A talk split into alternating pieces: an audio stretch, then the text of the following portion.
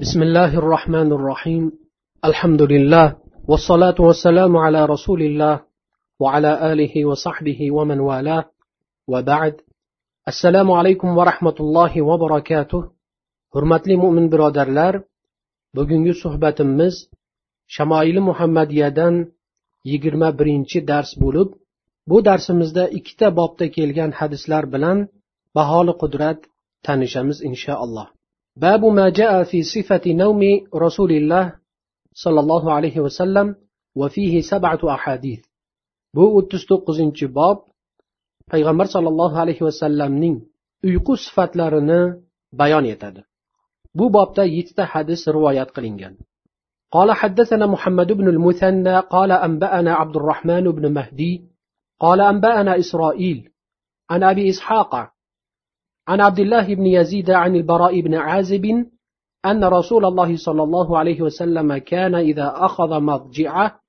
وضع كفه اليمنى تحت خده الأيمن وقال رب قني عذابك يوم تبعث عبادك. براء بن عازب رضي الله عنه دن روايات رسول الله صلى الله عليه وسلم agar uxlash uchun joylariga yotsalar o'ng kaftlarini o'ng yanoqlari ostiga olar edilar so'ng ey rabbim meni bandalaringni qayta tiriltiradigan kunda azobingdan asragil der edilar قال حدثنا محمد بن المثنى أنبأنا عبد الرحمن قال أنبأنا إسرائيل عن أبي إسحاق عن أبي عبيدة أو عن أبي عبيدة عن عبد الله مثله وقال يوم تجمع عبادك bu hadis ham avvalgi hadisning aynan o'zi bo'lib bu ikki hadisning o'rtasidagi farq shuki ikkinchisida bandalaringni qayta tiriltiradigan kun deyilgan lafzning o'rnida jam qiladigan kunda degan lafz zikr etilgan قال حدثنا محمود بن غيلان قال حدثنا عبد الرزاق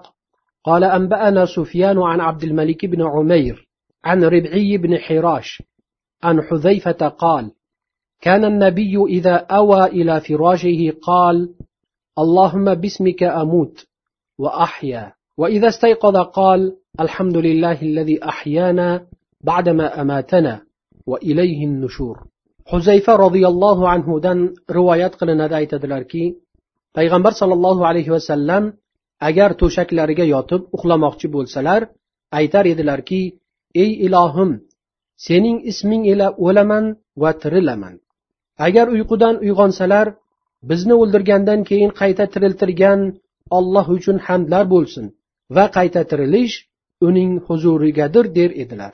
Mulla ali qoriy rahimaulloh aytadilarki hadisda uyquni o'lim deb zikr qilinishiga sabab chunki inson uxlashi bilan aql idroki va xatti harakati amaldan to'xtaydi.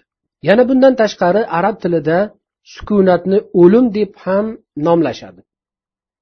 masalan shamol esishdan tinsa shamol o'ldi deydilar so'ng bu alloma aytadilarki menimcha haqiqatga yaqinrog'i inson uxlashi sababli harakatdan to'xtagani uchun uni o'lik deb e'tiborga olingan bo'lsa kerak chunki alloh taolo qur'oni karimda ham هو الذي جعل لكم الليل لتسكنوا فيه والنهار مبصرا إن في ذلك لآيات لقوم يسمعون u sizlar orom olishingiz uchun kechani va kasbu kor sayru sayohat qilishingiz uchun ochiq yorug' bo'lgan kunduzni yaratib qo'ygan zotdir. Albatta bunda quloq tutib anglovchi qavm uchun oyat alomatlar bordir degandir deb so'zlariga shu oyatni dalil qiladilar. Yana shunga yaqinroq ma'noda kelgan uyquni o'lim iborasi bilan ta'rif etgan boshqa bir oyat karimani misol qilsak ham bo'ladi وهو الذي يتوفاكم بالليل ويعلم ما جرحتم بالنهار ثم يبعثكم فيه ليقضى أجل مسمى ثم إليه مرجعكم ثم ينبئكم بما كنتم تعملون u kechasi joningizni oladigan ya'ni uyqu beradigan kunduzi qilgan ishingizni biladigan zotdir so'ngra aytilgan ajal yashash uchun berilgan muhlat ado qilinishi uchun unda ya'ni kunduzi sizlarni tiriltirur keyin o'ziga qaytishingiz bordir so'ngra sizlarga qilib o'tgan amallaringizning xabarini berur yana shu ma'noda kelgan oyatlardan biri ushbu oyat allohu yatawaffal anfusa hina mawtiha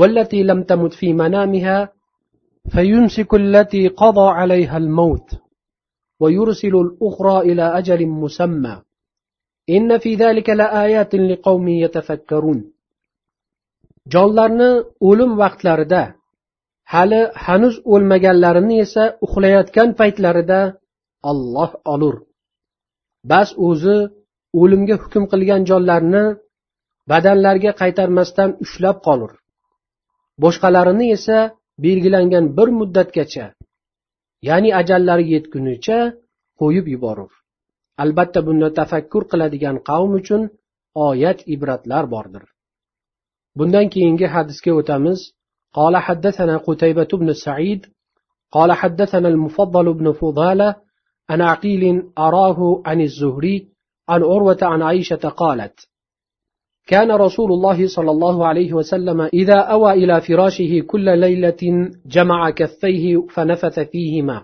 وقرأ فيهما. قل هو الله أحد وقل أعوذ برب الفلق وقل أعوذ برب الناس.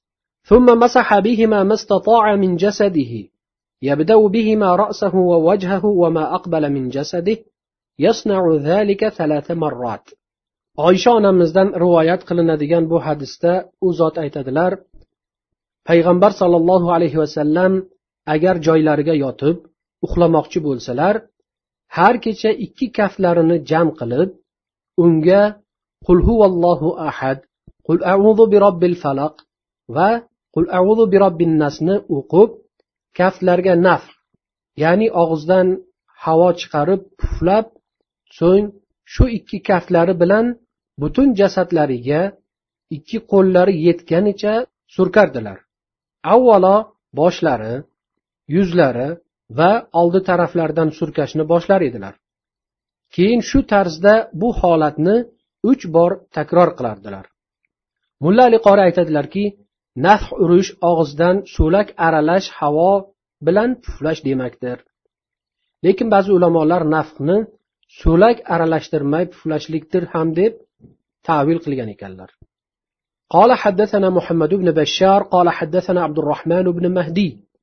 قال حدثنا سفيان عن سلمة بن كهيل عن كريب عن ابن عباس أن رسول الله صلى الله عليه وسلم نام حتى نفخ. وكان إذا نام نفخ فأتاه بلال فآذنه بالصلاة فقام وصلى ولم يتوضأ. بو حدث abdulloh ibn abbos roziyallohu anhudan rivoyat qilinadi u zot aytadilar payg'ambar sollallohu alayhi vasallam bir kuni uxlab hatto xurrak ham otgan edilar. U zotning odatlari agar uxlasalar xurrak otar edilar. Qo'qqis bilol kelib qolib azon aytib yubordilar. Va payg'ambar sollallohu alayhi vasallamga ham namoz vaqti kirganini xabar qilib qo'ydilar.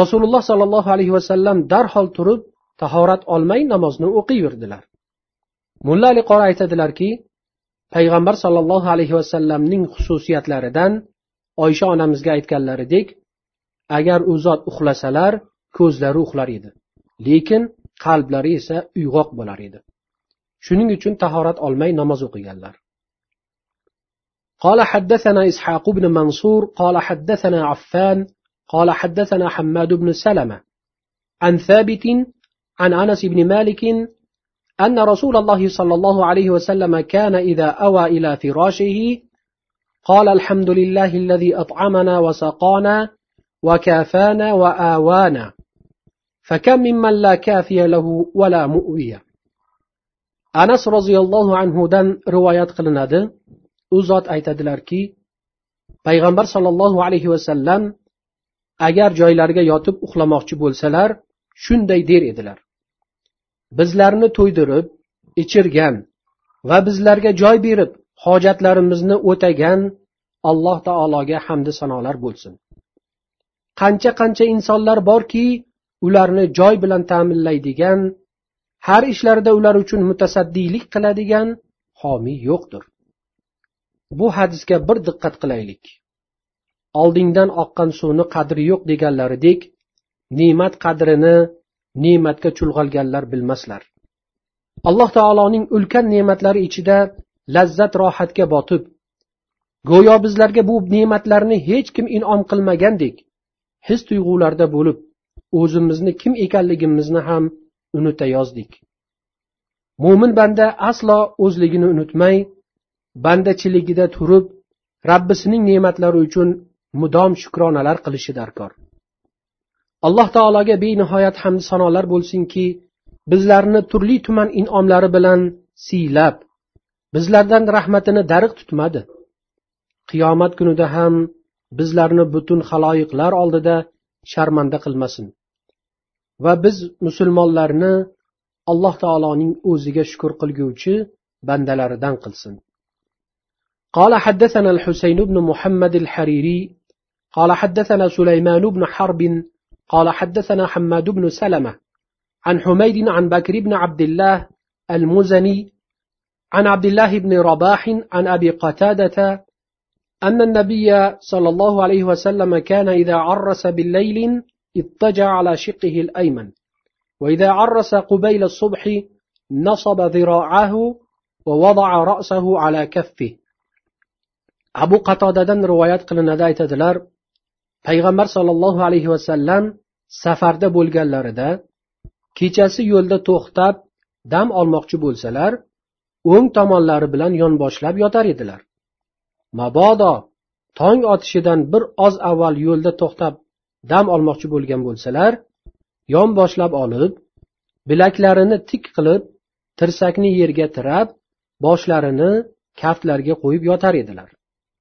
Mulla ali qori aytishlaricha payg'ambar sollallohu alayhi vasallam boshlarini yerdan ko'tarib yotishlariga sabab namoz vaqti yaqin bo'lganligi uchun edi chunki xotirjam uxlab qolgan kishi namozga uyg'onishi qiyin bo'ladi va uyg'onganda ham mudroq bosib namoz o'qishi mumkin باب ما جاء في عبادة رسول الله صلى الله عليه وسلم وفيه ستة وعشرون حديثا qirqinchi bobga keldik bu bob payg'ambar sollallohu alayhi vasallamning ibodatlarini bayon qiladi. قال حدثنا قتيبة بن سعيد وبشر بن معاذ قالا أنبأنا أبو عوانة عن زياد بن علاقة عن المغيرة بن شعبة رضي الله عنه قال صلى رسول الله صلى الله عليه وسلم حتى انتفخت قدماه فقيل له أتتكلف هذا وقد غفر الله لك ما تقدم من ذنبك وما تأخر قال أفلا أكون عبدا شكورا مغيرة بن شعبة رضي الله عنه دن روايات قلنادي uzot aytadilarki payg'ambar sollallohu alayhi vasallam shunday ko'p namoz o'qirdilarki hatto ikki oyoqlari shishib ketar edi u zotga namuncha o'zingizni qiynamasangiz axir alloh taolo o'tmish va kelajak gunohlaringizni mag'firat qilganku deyilgan edi. Shunda u zot allohga ko'p shukur qilguvchi obid banda bo'lmaymanmi dedilar. Ya'ni bu buyuk ne'mat uchun alloh taologa toat ibodatlar qilib shukurlar qilguvchi banda bo'lmaymanmi deb ne'matni in'om etuvchiga shukur qilish kerakligini va u shukur qanday tarzda bo'lishini ummatlarga ilmiy va amaliy ravishda yoritib berdilar. قال حدثنا أبو عمار الحسين ابن حريث قال أنبأنا الفضل بن موسى عن محمد بن عمرو عن أبي سلمة عن أبي هريرة رضي الله عنه قال كان رسول الله صلى الله عليه وسلم يصلي حتى ترم قدماه. قال فقيل له أتفعل هذا وقد جاءك أن الله تعالى قد غفر لك ما تقدم من ذنبك وما تأخر؟ قال أفلا أكون عبدا شكورا؟ Abu hurayra roziyallohu anhudan rivoyat qilinadi. U zot aytadilarki payg'ambar sollallohu alayhi vasallam oyoqlari shishib ketgunga qadar namoz o'qir edilar. U kishiga nega bunday qilasiz? Alloh taolo o'tmish va kelajak gunohlaringizni mag'firat qilganini sizga xabar qilganku deyildi. Shunda u zot aytdilarki ko'p shukur ya'ni bu ne'matlarni in'om etgan zotga ko'p shukurlar qilguvchi va obid banda bo'lmaymanmi dedilar قال حدثنا عيسى بن عثمان ابن عيسى ابن عبد الرحمن الرملي. قال حدثنا عمي يحيى بن عيسى الرملي. عن أبي صالح عن أبي هريرة رضي الله عنه قال كان رسول الله صلى الله عليه وسلم يقوم يصلي حتى تنتفخ قدماه. فيقال له يا رسول الله تفعل هذا؟ وقد غفر الله لك ما تقدم من ذنبك وما تأخر قال أفلا أكون عبدا شكورا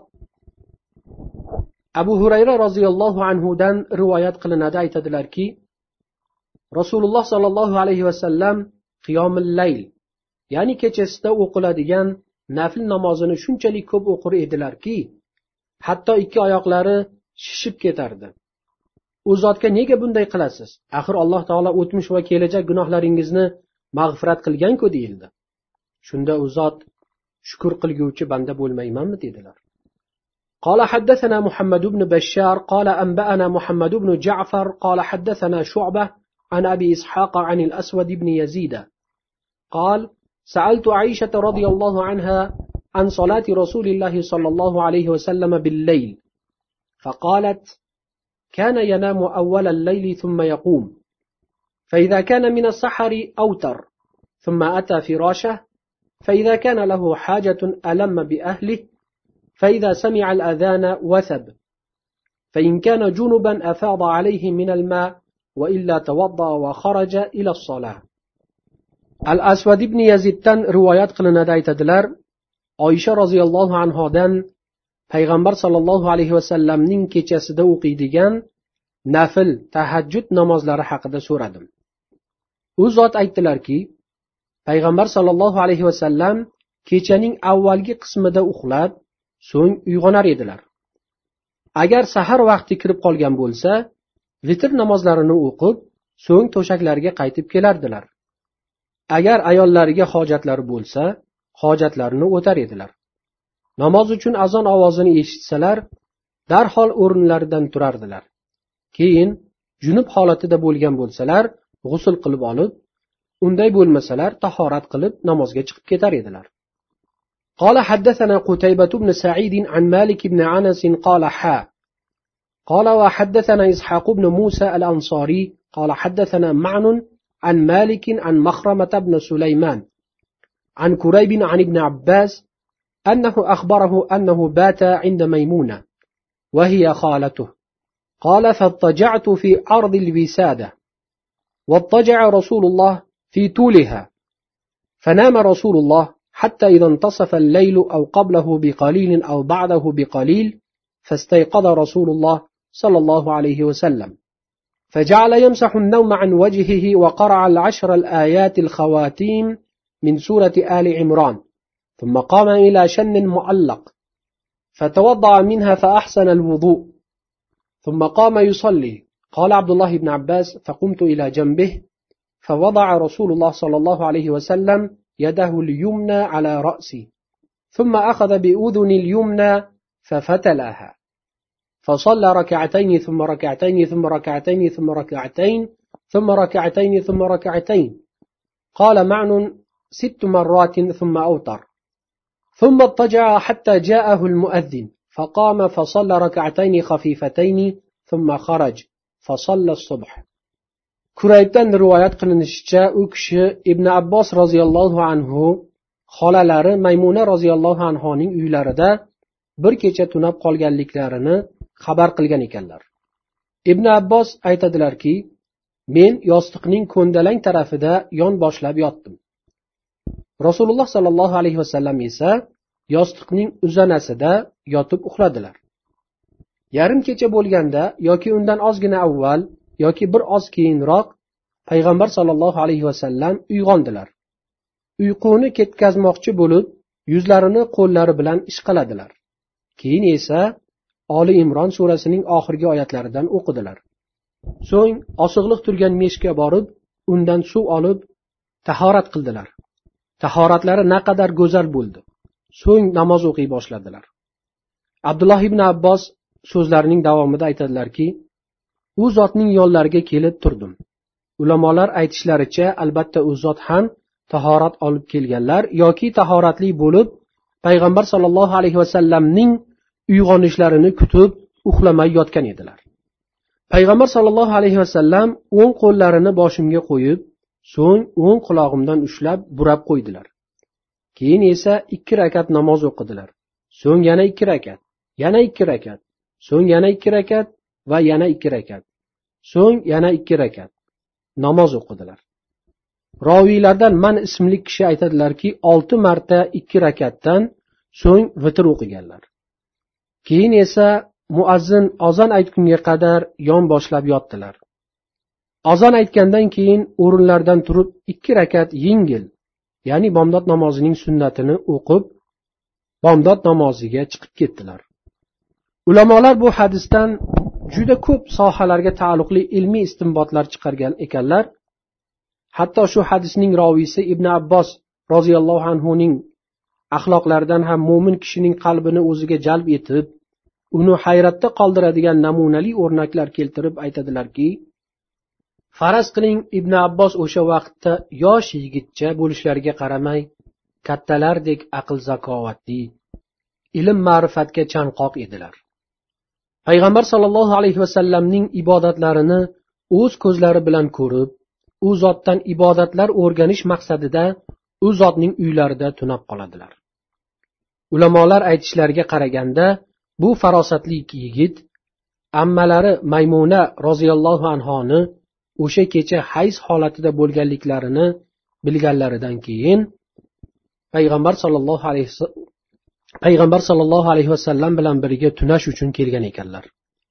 Keyin esa payg'ambar sollallohu alayhi vasallamni qanday uxlashlarini kuzatib uyg'ongunlaricha uxlamay kutib u zotning ibodatlarini diqqat bilan tekshirib turishlari va shu kechada bo'lgan voqeani hammasini to'la to'kis rivoyat qilib berishlari ilmga va uni taratishga bo'lgan ishtiyoqlariga yorqin dalildir alloh taolo bizlarga payg'ambar sollallohu alayhi vasallamning sunnatlariga bo'lgan ishtiyoqni bersin va bu yo'lda qilgan kamchilik nuqsonlarimizni o'zi af etsin وآخر دعوانا أن الحمد لله رب العالمين السلام عليكم ورحمة الله وبركاته